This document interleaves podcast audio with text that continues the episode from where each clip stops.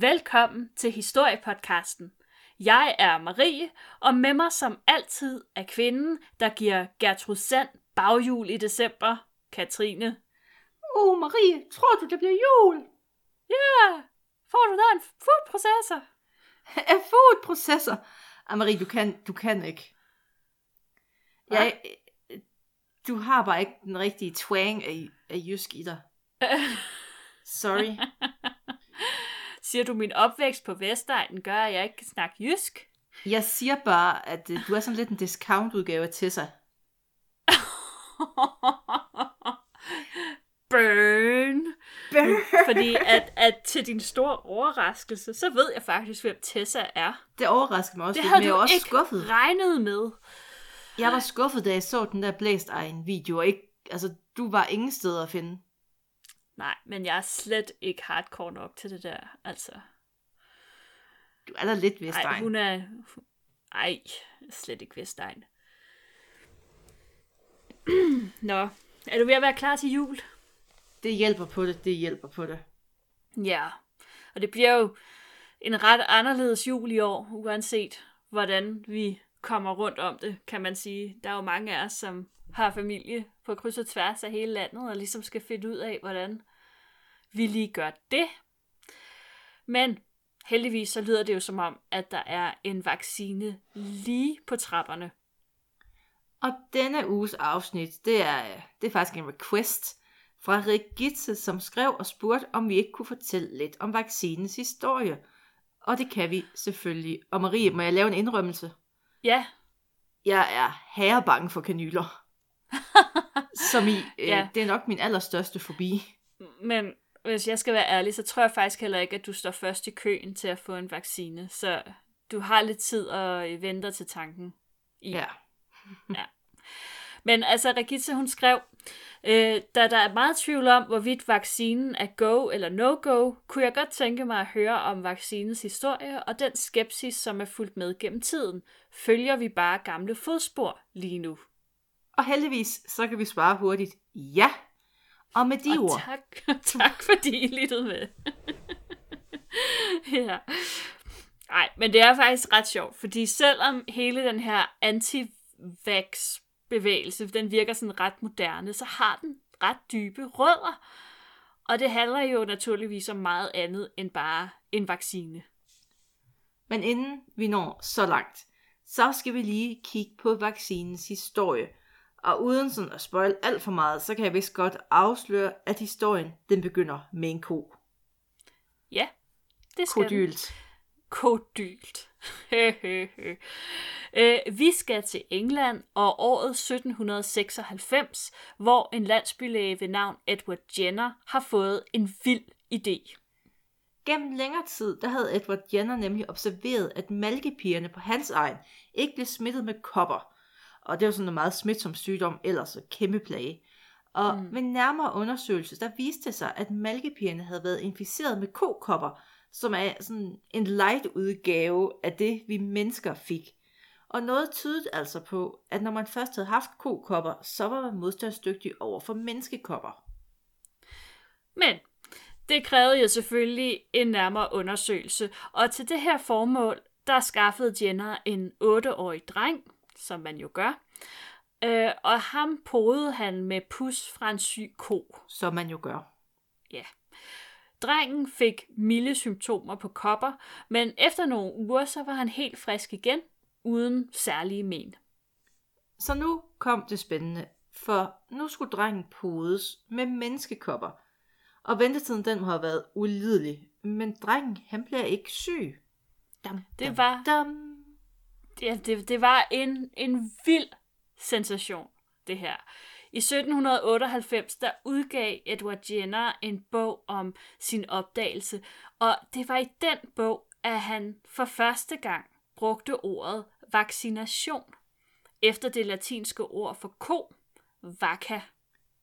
Den dag i dag, der regnes Edward Jenners opdagelse stadig som at være det største gennembrud inden for vaccinationshistorien.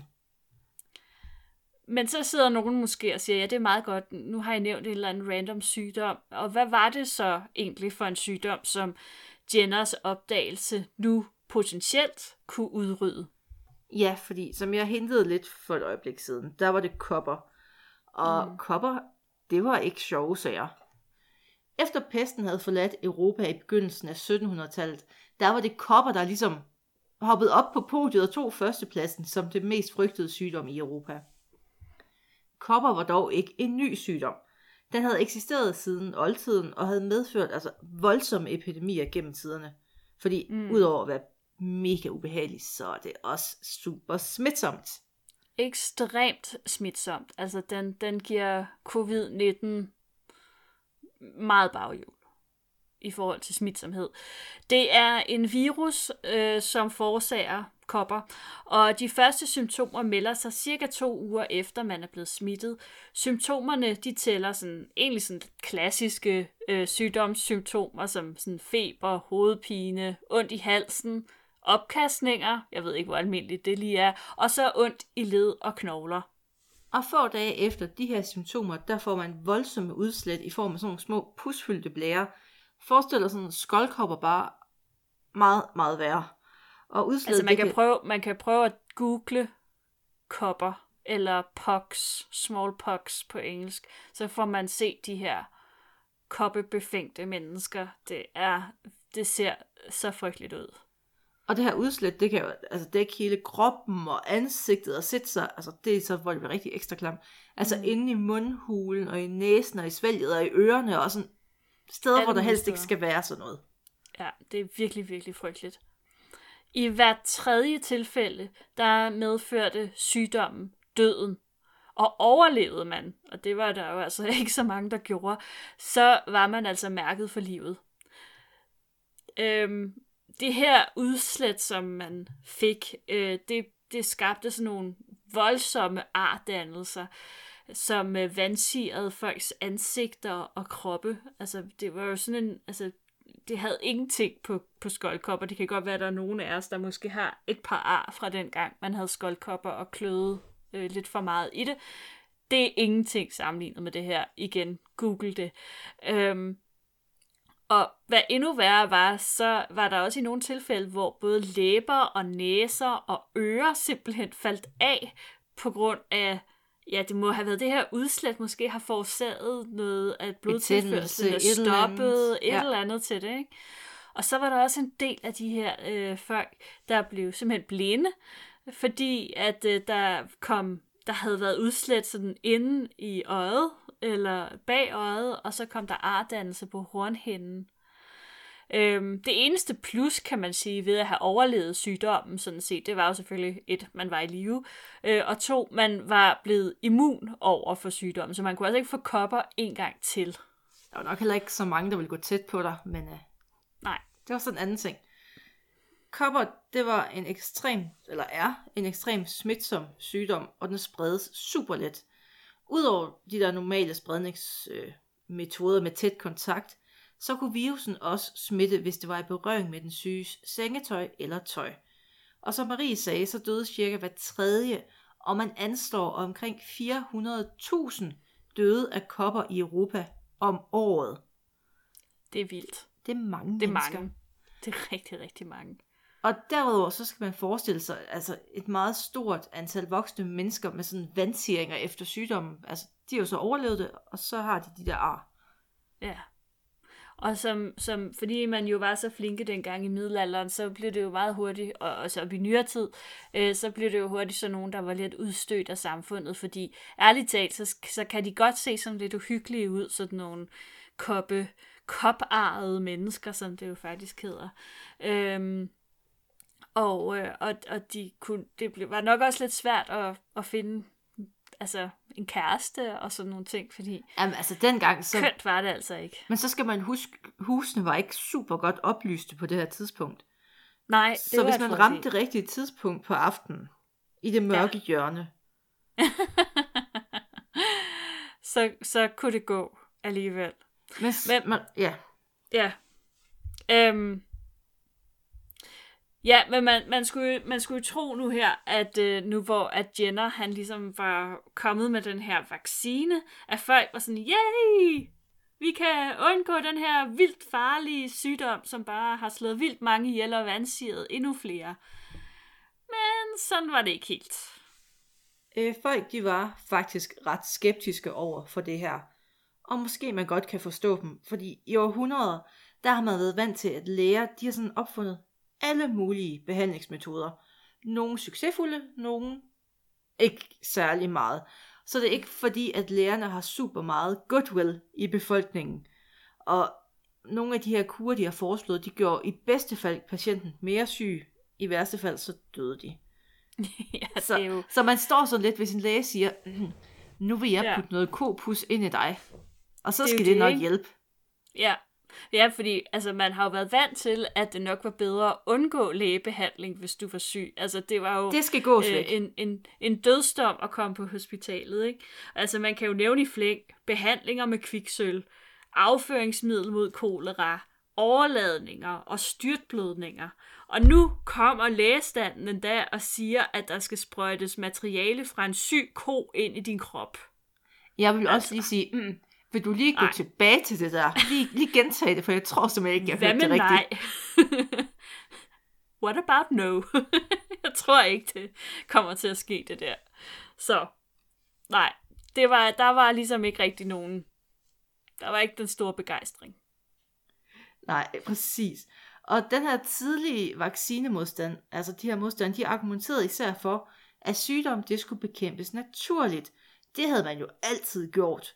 Og vaccinen, det var sådan set lidt unaturligt. Det er sådan, så snyder man sgu lidt.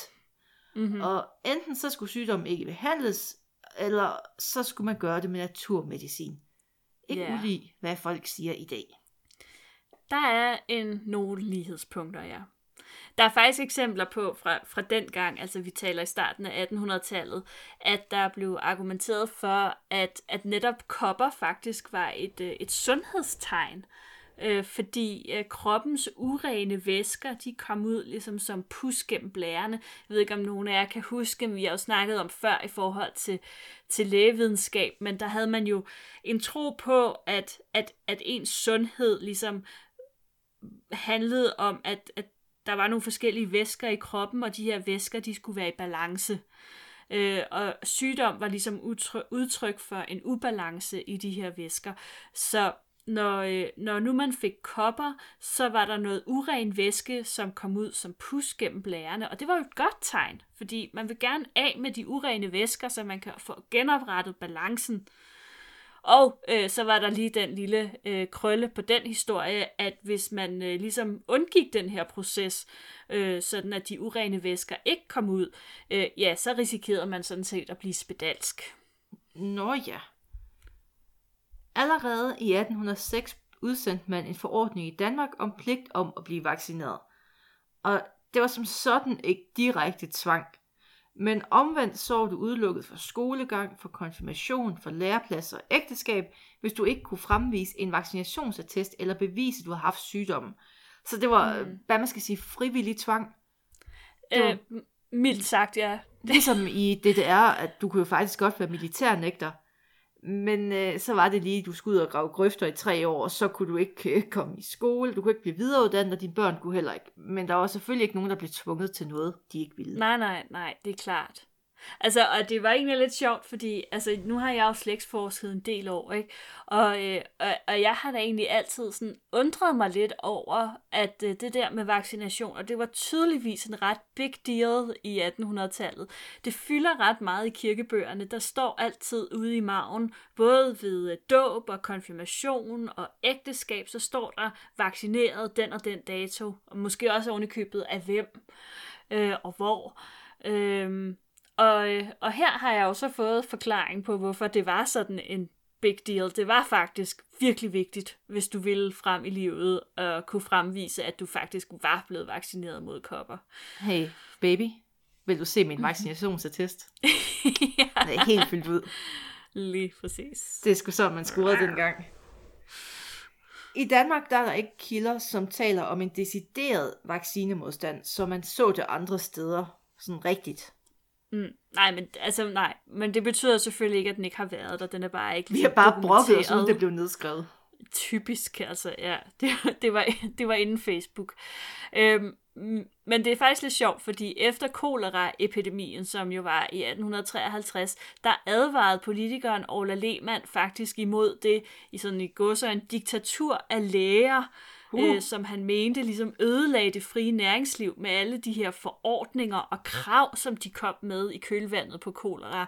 Øh, katastrofen kan man næsten kalde det. Øh, fordi lige pludselig så var der alle mulige krav til hygiejne og ordentlige toiletforhold, og jeg ved ikke hvad. Hvad og, er det for og, en overreaktion? Og, simpelthen noget hysteri, det der. Nu må det stoppe. Og Lehmann, han kritiserede lærernes altså magtfuldkommenhed, som han kaldte det. I 1853, der var enevælden stadig sådan frisk i erindring, det kunne man godt huske. Og man var rimelig allergisk over for at skulle underlægge sig autoriteter. Nu er man lige blevet fri, og så kommer lægerne bare og siger, mæ, mæ, mæ. Nej, nej, nej. Du skal, du skal dække din latrin til. Mæ, mæ, mæ. altså, det er bare sådan, hvordan kan man synes, det er en dårlig idé? Men det minder mig jo om, at, øh, nu kan jeg selvfølgelig ikke huske, fordi nu er det bare sådan en tanke, jeg fik, men i Danmark, der fik vi jo kloak, øh, kloakering ret sent øh, i København. Og, øh, og det var jo det samme, man havde sådan set forsøgt at få indført, eller få gennemført, at man fik kloakeret København i ret mange år, men folk de var sådan lidt, nej, det er et brud på den private ejendomsret, og nej, min personlige frihed, den, den, øh, den, er, den bliver truet, når jeg skal kloakere mit hjem.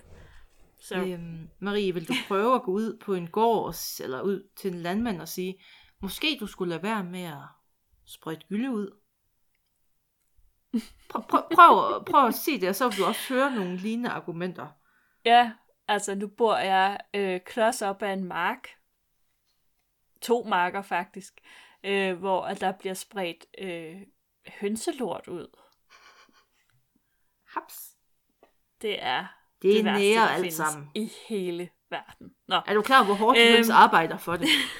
Hvad? Ja. Øh, nå, tilbage til historien. Øh, I forhold til øh, vaccinerne som sådan, altså så virkede det ikke som om, man sådan havde det helt store problem. Allerede i 1810, så havde man faktisk ikke flere koppetilfælde i København og halvdelen af alle nyfødte var blevet vaccineret. Men øh, selvom at det gik sådan rimelig kvikt for sig i København, så var kopper faktisk først helt væk fra Danmark i 1970'erne. Men det vender vi lige tilbage til senere. Men der var jo også modstanden. Og i England og USA, der var situationen ret anderledes end i Danmark. Fordi her var modstanden mod vaccinen temmelig stor. Så den der anti bevægelse, det er ikke en ny opfindelse i USA. Overhovedet ikke. Modstanden var en kombination af befolkningens mistillid til lægevidenskaben, og så også en frygt for at, at miste friheden til at bestemme over sig selv i virkeligheden. I England der blev koppevaccinen obligatorisk, og i 1867 der indfører staten sanktioner imod de forældre, som nægtede at lade deres børn vaccinere. Det her, det får så vaccinationsmodstanden til at eksplodere, fordi de skal dele med ikke komme og sige sådan noget til os. Mm. Ain't nobody tell me how to raise my child. Og i årene frem mod 1885, der vokser antallet af børn, som ikke er vaccineret. Samtidig så slår mm. myndighederne hårdt ned på det, så man har sådan en, en selvforstærkende effekt hos de her antivaxer i virkeligheden. Og tusindvis af forældre, de får bødestraf, og nogen ryger i fængsel for at nægte vaccination. Ja, og det sørgelige er jo, at taberne i det der, det er jo børnene. Fordi ah. det var dem, der blev syge og døde af det. Nej, Primært. det var en læringsproces, ja. vil de der forældre jo sige. Det giver sig selv, at den her situation i England, den var uholdbar, og kulminationen den kom den 23. marts 1885, hvor en kæmpe demonstration fyldte gaderne i industribyen Leicester. På deres banner, den her demonstration, de havde sådan nogle store banner med, som man jo har, øh, der stod sådan nogle kampråb som prisen for frihed af evig overvågenhed og rent blod, ingen forfalskning, og så den sidste, vi kæmper for vores hjem og for vores frihed. Så ja, man kan se, der var noget lidt andet på spil, end bare øh, at få udryddet en sygdom her. Og selvom kopper, det var en frygtet sygdom, man anerkendte, at det her det var farligt, og der var en høj børnedødelighed som følge af det, og forfærdelige følger, hvis man så havde overlevet det, så var man altså mere bekymret for, at staten den skulle udnytte vaccinerne til at fratage individets selvbestemmelse og frihed. Ja. Der er altså en, en hel del ligheder mellem 1800-tallets vaccinemodstandere og nutidens. Øh, der er både den her skepsis over for, om vaccinen nu virker hensigtsmæssigt, og hvilke bivirkninger den har, og, om, og, øh, og så også følelsen af, at individets frihed er truet af, at, at staten ligesom går ind og pålægger øh, forældre at give deres børn den her vaccine. Øh, jeg læste et sted i forbindelse med researchen til det her, en, øh, en amerikansk læge, som sagde, at en af årsagerne til, at, den, at, til, at vi har den her meget store vaccinemodstand i dag, øh, simpelthen er, at folk har glemt, hvor forfærdelige de her sygdomme i virkeligheden er. Øh, det er simpelthen så lang tid siden, at vi har haft kopper og polio og øh, hvad ved jeg. Øh, så det er sådan en lille smule privilegieblindt, måske, for nu at bruge sådan et, Ja, et det moderne jo. udtryk, øh, at, at have vaccinemodstand i dag. Ja, øh, hvis man har set et billede af barn, der har polio, som historiker blandt andet, så ved man, at polio, det er ikke noget, man fucker med. Nej. Og det må det godt blive Lægemiddelstyrelsens næste slogan. Polio, det fucker du bare ikke med. Og trods modstand mod vacciner dengang og i dag, så er opfindelsen af vaccinen altså den, nok en af de største succeser i folkesundhedens historie. Det er så vigtigt, og det har reddet så mange liv. Altså, Ja. man fatter det ikke. Hvis man tager de der 400.000 per år, og lige ganger det op siden 1800-tallet, Ja, det er en pæn portion mennesker. Jamen, det er så vildt, altså. Og det er jo også altså, den direkte årsag til, at vi ikke længere har kopper i Danmark. At vi ikke skal Mm. gå og være bange for det. At vi Ja. kan leve vores liv. Sådan Ja. lidt rart, bortset fra, nu er der lige en anden sygdom, der banker på. Men øh, Ja, den ser vi ja, bort fra. den er der så. Men altså, man kan sige, polio og kopper, er, er, er, tror jeg ikke, altså der er lidt forskel. Kopper er fuldstændig udryddet. Øhm, den findes ikke længere. Men øh, polio findes, men ikke i jeg tror, Danmark. jeg har fået den af polio. Jeg har fået den polio. Jeg har fået alt. Har du fået polio? Nej, Jeg troede vaccinen. ikke, at man... Ja, ja, ja, Jeg er ret ja, sikker på, at det ikke er der, hvor man ja. får en sukkerknald. Spørgsmålstegn. Nu har, der er ingen af os, der har børn, vil jeg lige sige, så vi er ikke helt Nej. ops på det der vaccinationsprogram. Og det er faktisk rigtig mange år siden, jeg blev vaccineret. det foregik jo i sort-hvid. ja, det gjorde det. Med sådan noget stumfilsmusik i baggrunden og sådan noget. Der var en med klaver og sådan noget. Det var meget underligt. Du var nede ved Dr. Hansen og få en vi. Ja. Åh oh, ja, min læge, han hed Günther. Dr. Günther. Det er det bedste ja. navn. altså. Nå, men altså personligt vil jeg også sige, altså jeg er jo været meget glad for øh, vaccinen, og, og jeg har jo heller ikke haft nogen men af det overhovedet. Øh, jeg ved godt, at, øh, at der er øh, folk, som især øh, af dem, der fik vacciner i, i 60'erne, øh, hvor at, at der har været øh, nogen, øh, der fik nogle meget slemme bivirkninger af det, øh, og faktisk blev hjerneskadet.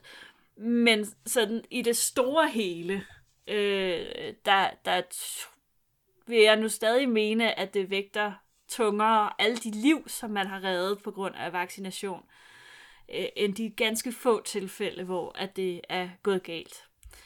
Det er måske lidt kynisk sagt, men det er ment i bedste øh, mening. Øhm, man stoppede med at vaccinere mod kopper i Danmark i 1970'erne.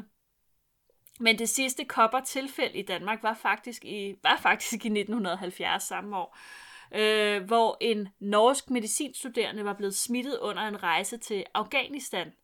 Og efter hjemkomsten til Danmark, øh, der meldte symptomerne sig altså øh, heldigvis, ligesom i dag, der reagerede myndighederne lynhurtigt, og de fik opsporet de omkring 584 mennesker, som den studerende havde været i kontakt med efter hjemkomsten. Og alle de her 584 mennesker, de blev vaccineret, de blev indlagt og isoleret i to uger. Øhm, man tog det meget, meget alvorligt, det her, fordi man skulle bare ikke have, at kopper ligesom begyndt at, at brede sig igen. Øh, nordmanden døde af sygdommen, men heldigvis øh, så øh, ja, døde den med ham, kan man sige. Men for at, at lige øh, slutte af på sådan en, en lidt kedelig note, øh, så, øh, så, så har man jo udryddet kopper øh, virus. Og det er jo godt, bortset fra, at øh, på laboratorier i både USA og i Rusland, der har man åbenbart eksemplarer, jeg ved ikke, hedder det det? Specimens. Jo, man har, det er jo Øh, fordi, øh, at man skal kunne... Altså, det har man Ja. med stort set Ja. alle sygdomme. Jamen, de har også pest, så vidt jeg husker. Ja, ja, det altså skal man jo have. byldepest og sådan noget. Ja.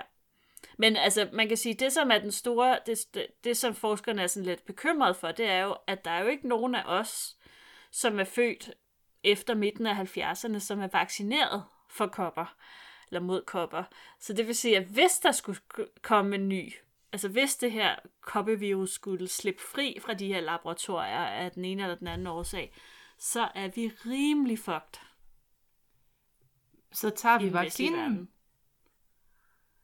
Ja, fordi vi har faktisk vaccine. I Danmark har vi vaccine nok til at kunne vaccinere hele den danske befolkning mod kopper.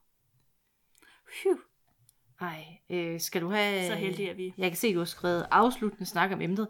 Må jeg Ja. snakke om vacciner? Ja. Fordi jeg har også en sjov vaccinehistorie, der handler om polio og kold krig. Uh, ja. Ja, altså poliovaccine. Pisse fed opfattelse. Men øh, fun fact, det bidrog jo også til nogle spændinger mellem Rusland og USA. Ja. Fordi øh, i Østeuropa fra 60 til 63, der er der et polioudbrud. Og man havde ikke i Sovjetunionen helt det rigtige vaccinationsprogram. Man manglede, der var et eller andet, der ikke rigtig spillede i deres poliovaccine. Og så var man sådan lidt... Amerikanerne, de sagde jo, fordi de ville jo gerne fremstå som nogle good guys, I kan da bare Mm. få nogle af vores vacciner. Tag dem da. Og den russiske regering var sådan lidt, hvad med nej? Vi skal sgu da ikke have jeres imperialistiske vacciner. Og det var jo, altså, så det var sådan en længere følgetong med, var det sikkert, var det ikke sikkert, og de var jo, Mm. altså, russerne, de var utrolig skeptiske over for det her, og jeg mener, det ender med, at de ikke tager imod det.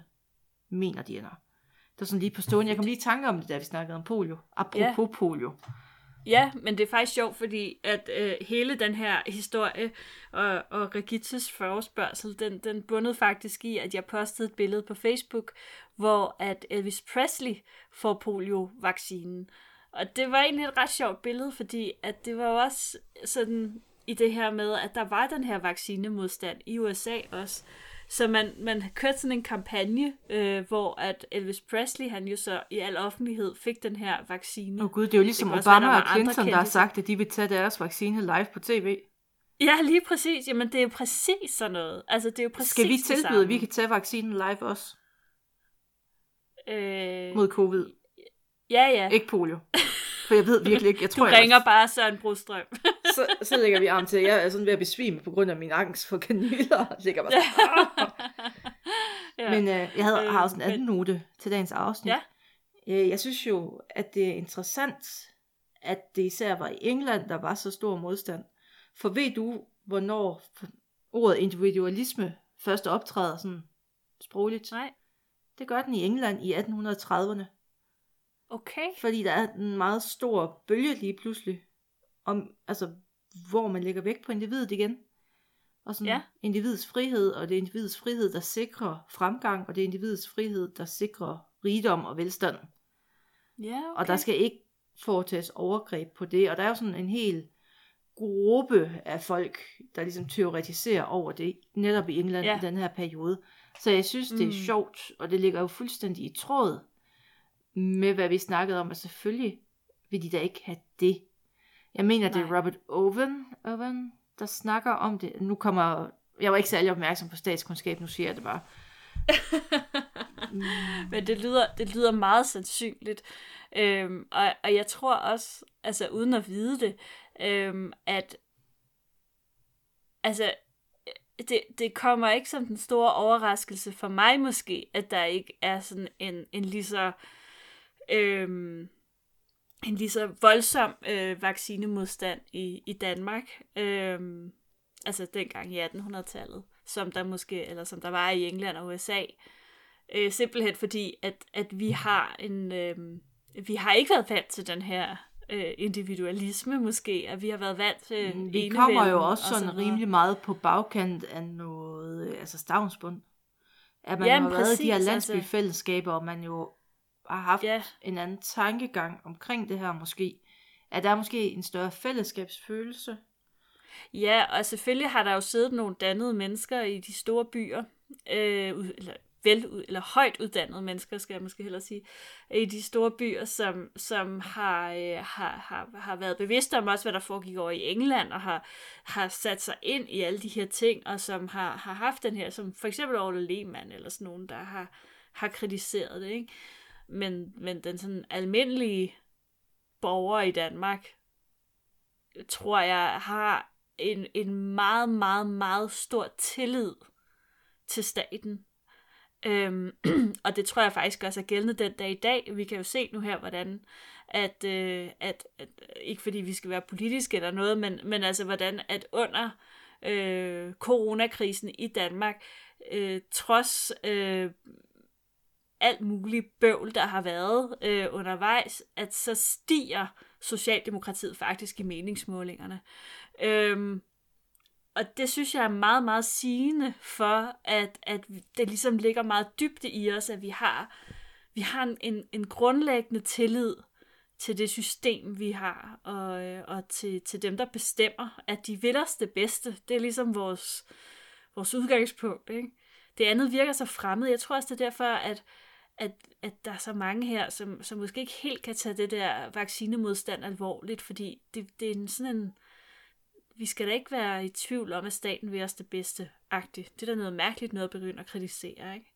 Men altid være skeptisk. Aldrig stol på nogen. Men bliv vaccineret alligevel. Det sagde du, ikke jeg. Jeg har fuld tillid til staten. Wake up, sheeple. Men få jeres vacciner. Tjek dem for Ja, det. og så få den. Og pas nu rigtig godt på øh, jer selv nu her, hvor at øh, smitten den stiger, og øh, lad være med at, at se for mange mennesker, ikke? Bare, bare sid hjemme og lyt til os.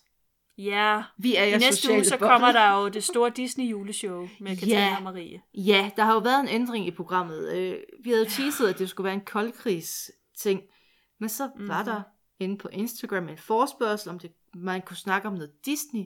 Og så kom jeg i tanke om, at årets største Disney-dag, det er den 24., hvor der skal ses altså Disneys juleshow. Ja. Og jeg kunne virkelig godt tænke mig at snakke om Disney, og jeg kunne virkelig godt tænke mig at snakke om Disney længe. Så derfor kommer der et maraton-afsnit til juledagene, hvor Anne-Marie, som aldrig ser Disney, eller ikke har set Disney siden 90'erne, skal trækkes igennem Disney-historie. Åh, oh, Gud. Og jeg Åh, tænker Gud. også, at vi skal lave lister om, hvilke Disney-film vi bedst kan lide, for det er jo juleafslutning, så der skal være lidt Ja. hygge. Og... Det skal der. Så du skal bare i gang. Det Du kan bliver- låne med Disney Plus login, så du lige kan op... ja, opdatere dig selv. Øh, ja. Ja, nej. Do jeg you tror, de- even jeg frost, Tror, altså. nej, det gør jeg ikke. God Men det kan I glæde jer til. Øhm, det gør jeg, øh, tror jeg nok, lidt nogle gange Jeg glæder mig som et lille Lidt. barn. i et svagt øjeblik. Og med de ord, tak fordi I lyttede med.